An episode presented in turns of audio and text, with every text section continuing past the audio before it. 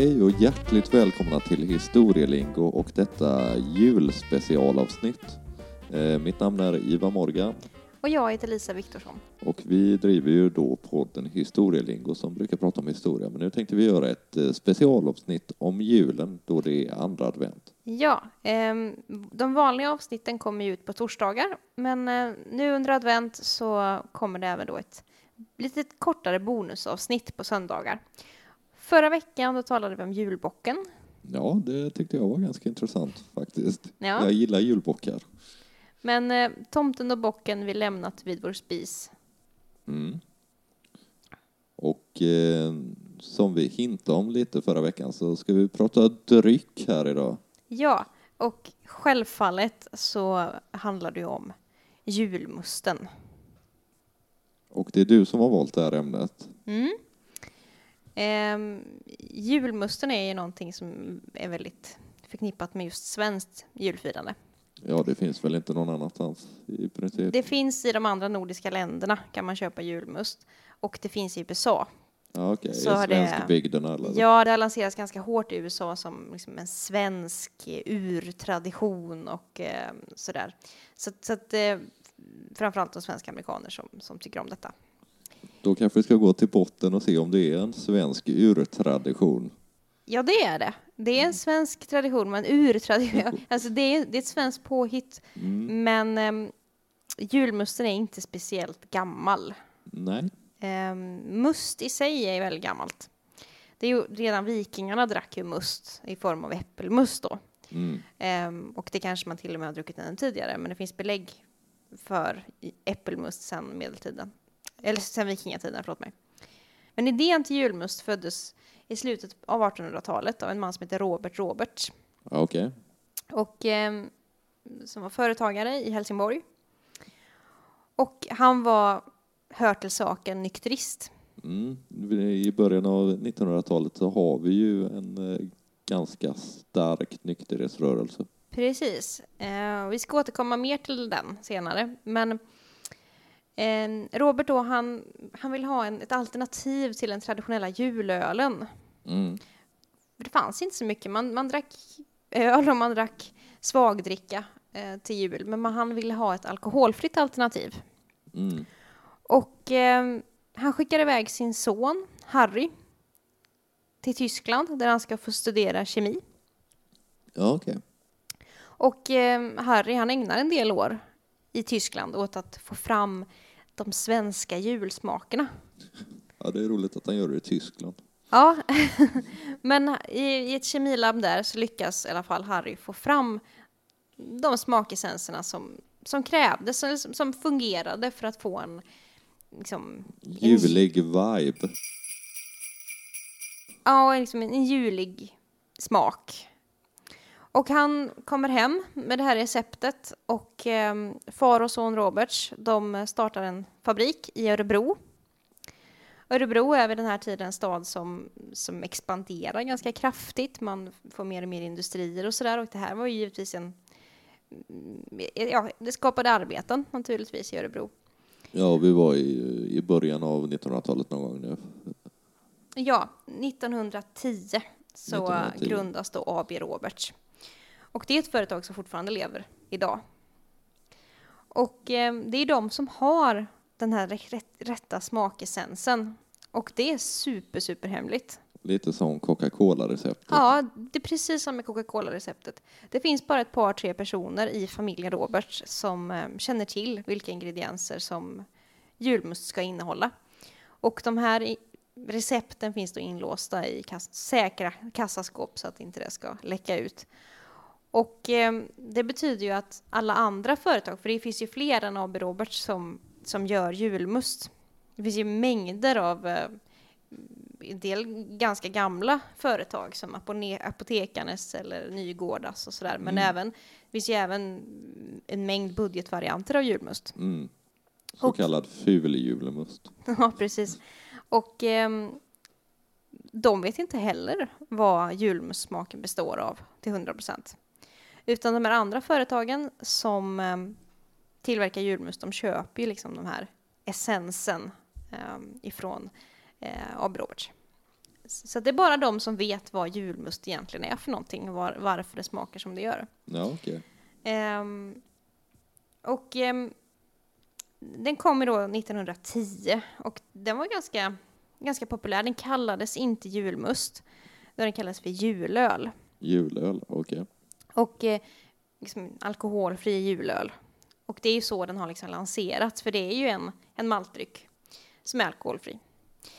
Men på 20-talet så väljer man att byta namn ifrån julöl som ju associeras ganska mycket med alkohol och så vidare och eh, Robert Roberts och väldigt många andra som var frikyrkliga och dessutom aktiva i nykterhetsrörelsen ville ju inte att den här drycken skulle liksom ha ett alkoholklingande namn. Nej. Då bytte man namn till, till julmust istället. Och eh, den får ett stort uppsving under 20-talet, den här drycken, julmust. Inte minst med tanke på att 1922 så har vi en folkomröstning. Ja, just det. Rusdryck. Ja, Omröstningen. precis. Eh, det fanns då ett förslag om att man skulle rösta för eller emot totalt rusdrycksförbud. Mm. Och eh, det var en väldigt jämn omröstning. Eh, men nej-sidan vann så att vi fick fortsätta mm, dricka alkohol i Sverige. Men nykterhetsrörelsen är ju någonstans på sin absoluta topp under 20-talet. Ja, det får man verkligen säga om de lyckas få igenom jag går så långt så att det till och med blir en folkomröstning så har den ju ganska mycket liksom, eh, stöd i, Ja. hos gräsrötterna. Och det är inte bara i Sverige utan det här är ju någonting som är mm, liksom globalt sett. Det är en, det är en Jag fråga kollar som bara är... på USA. Ja, på USA till exempel. Det är en fråga som är aktuell i många länder. Och i Sverige har det varit aktuellt ganska många år innan 1922 och redan 1917 så kom ju motboken och Brattsystemet där man då reglerade inköp av alkohol. Ehm, och det som kallas, kallades för Vin och spritcentralen som senare blev Systembolaget grundas 1917. Ehm, men det var ett sidospår. Men under 20-talet då så får den här julmusten ett rejält uppsving. Mm. Företaget eh, AB Roberts, de gör inte bara eh, julmust, utan de gör ju alla möjliga typer av läskedrycker. Den kändaste är kanske champis, Mm. som är en liten fruktig, eh, påminner lite om, Ja, tanken är väl att det ska påminna om champagne, det är därför Ja. det heter champis. ja precis, lite sådär eh, mousserande vinkänsla ska det vara på den. Och, eh, men de gjorde annat också. De gjorde apelsinläsk. Och eh, då använde man smakessenser i skalet på apelsinerna. Okej. ap- apelsinskalolja. Och eh, då gick det åt massa apelsiner. Och de skalades. Men man behövde inte själva apelsinen utan man ville bara ha skalet. Och eh, vad gjorde man då? Vad skulle man göra av alla apelsiner? Jo, på fabriken så spände man upp dagar när man skalade apelsiner. Så satte man upp en stor banderoll där det stod apelsinskalning pågår. Och så fick broarna komma dit och köpa för billiga pengar eh, Skalade för apelsiner. färdigskalade apelsiner som man slapp skala själv. Ja, det, Ganska fiffigt tycker jag. ja, det är ganska trevligt. Um, julmusten är ju någonting som, som man i Sverige tycker är självklart att dricka vid jul och ehm, det säger även statistiken. Ja, det kan jag tänka mig. Det är, väl på varenda julbord Ja. och egentligen hela december. har du någon gissning så här hur, hur, hur mycket julmust svenskarna totalt dricker varje jul?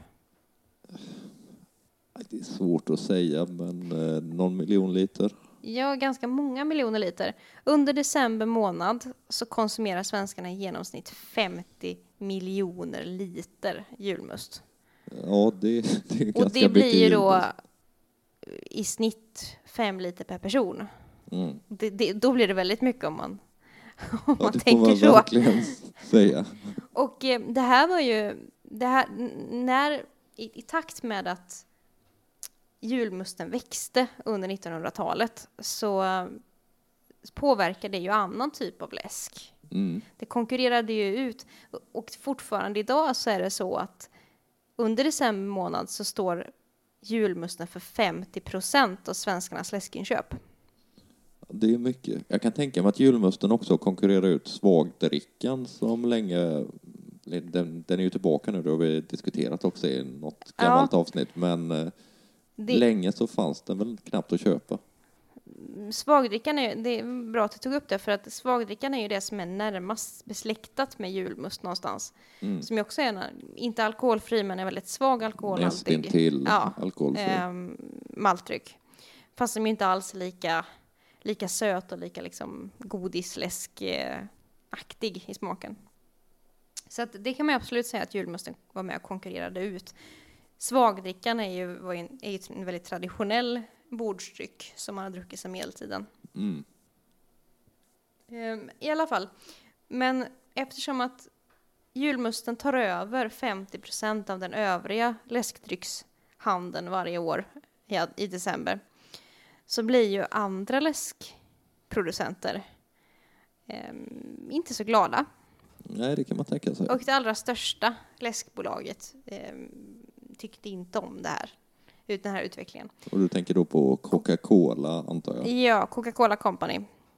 Ja, Coca-Cola har ju länge försökt marknadsföra sig som en eh, juldryck också. Det är ju Precis. tomtar på flaskorna runt jul. Ja, absolut. Och den här liksom Coca-Cola-tomten så tror jag alla vet eh, vad man tänker på. Och de var... De, de har liksom i- i perioder varit så sura på den svenska, svenska julmustdrickandet och faktum att de inte kan komma åt originalreceptet själva. Att de helt har velat säga upp samarbetet liksom med Pripps och med Sverige och eh, inte vilja sälja Coca-Cola i Sverige i december för att det går, de går back så, eller det går så mycket sämre. Ja, okej. Eh, så, men, men, men det har man i alla fall. så långt, så drastiska åtgärder har man inte tagit än, men det har varit diskussioner om det.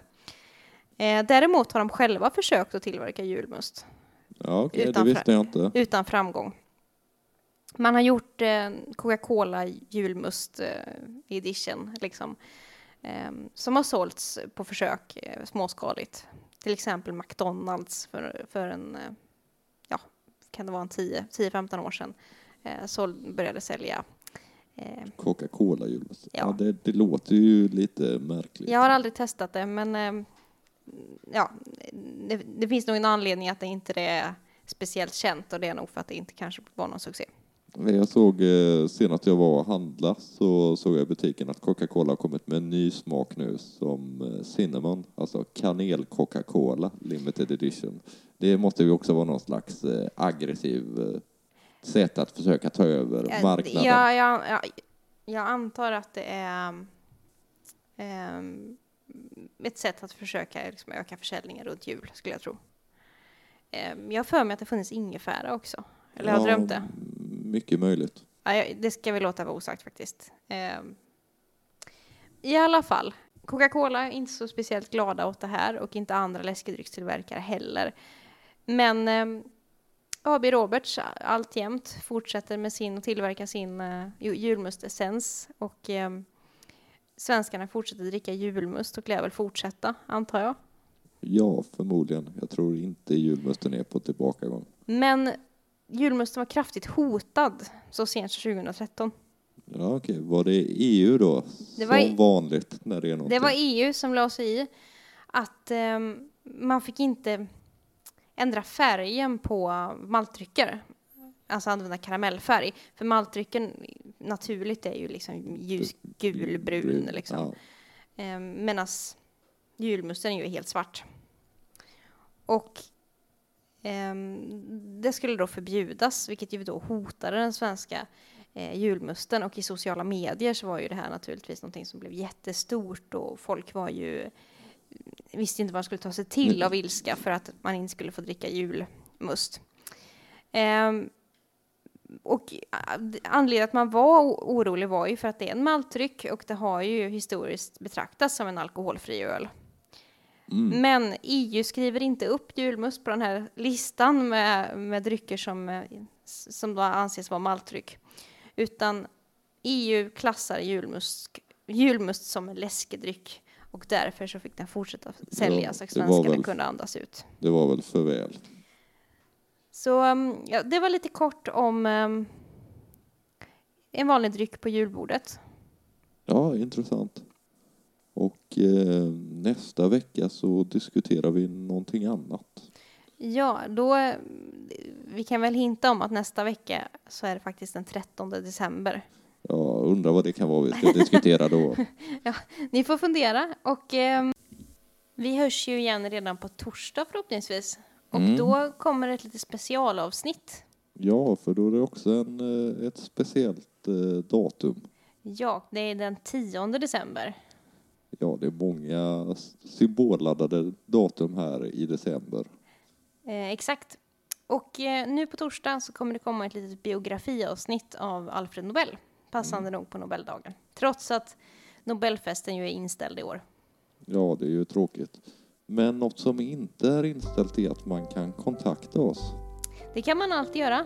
Och det kan man göra antingen via sociala medier. Mm, där heter vi Historielingo. Ja, på Instagram heter vi historielingo. Och ni kan även mejla oss på historielingo.gmail.com.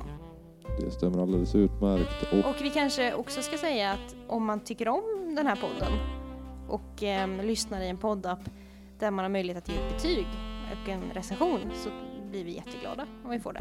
det får man väldigt gärna göra. Och med de, de orden kanske vi ska önska våra lyssnare en fortsatt trevlig decembermånad. Ja, så hörs vi igen då med vår lilla Nobelfest på torsdag. Och efter det så blir det ett till sånt här eh, julavsnitt. Ja, nästa söndag. Men ha det så gott så hörs vi. Det gör vi. Ha det bra. Hej. Hej.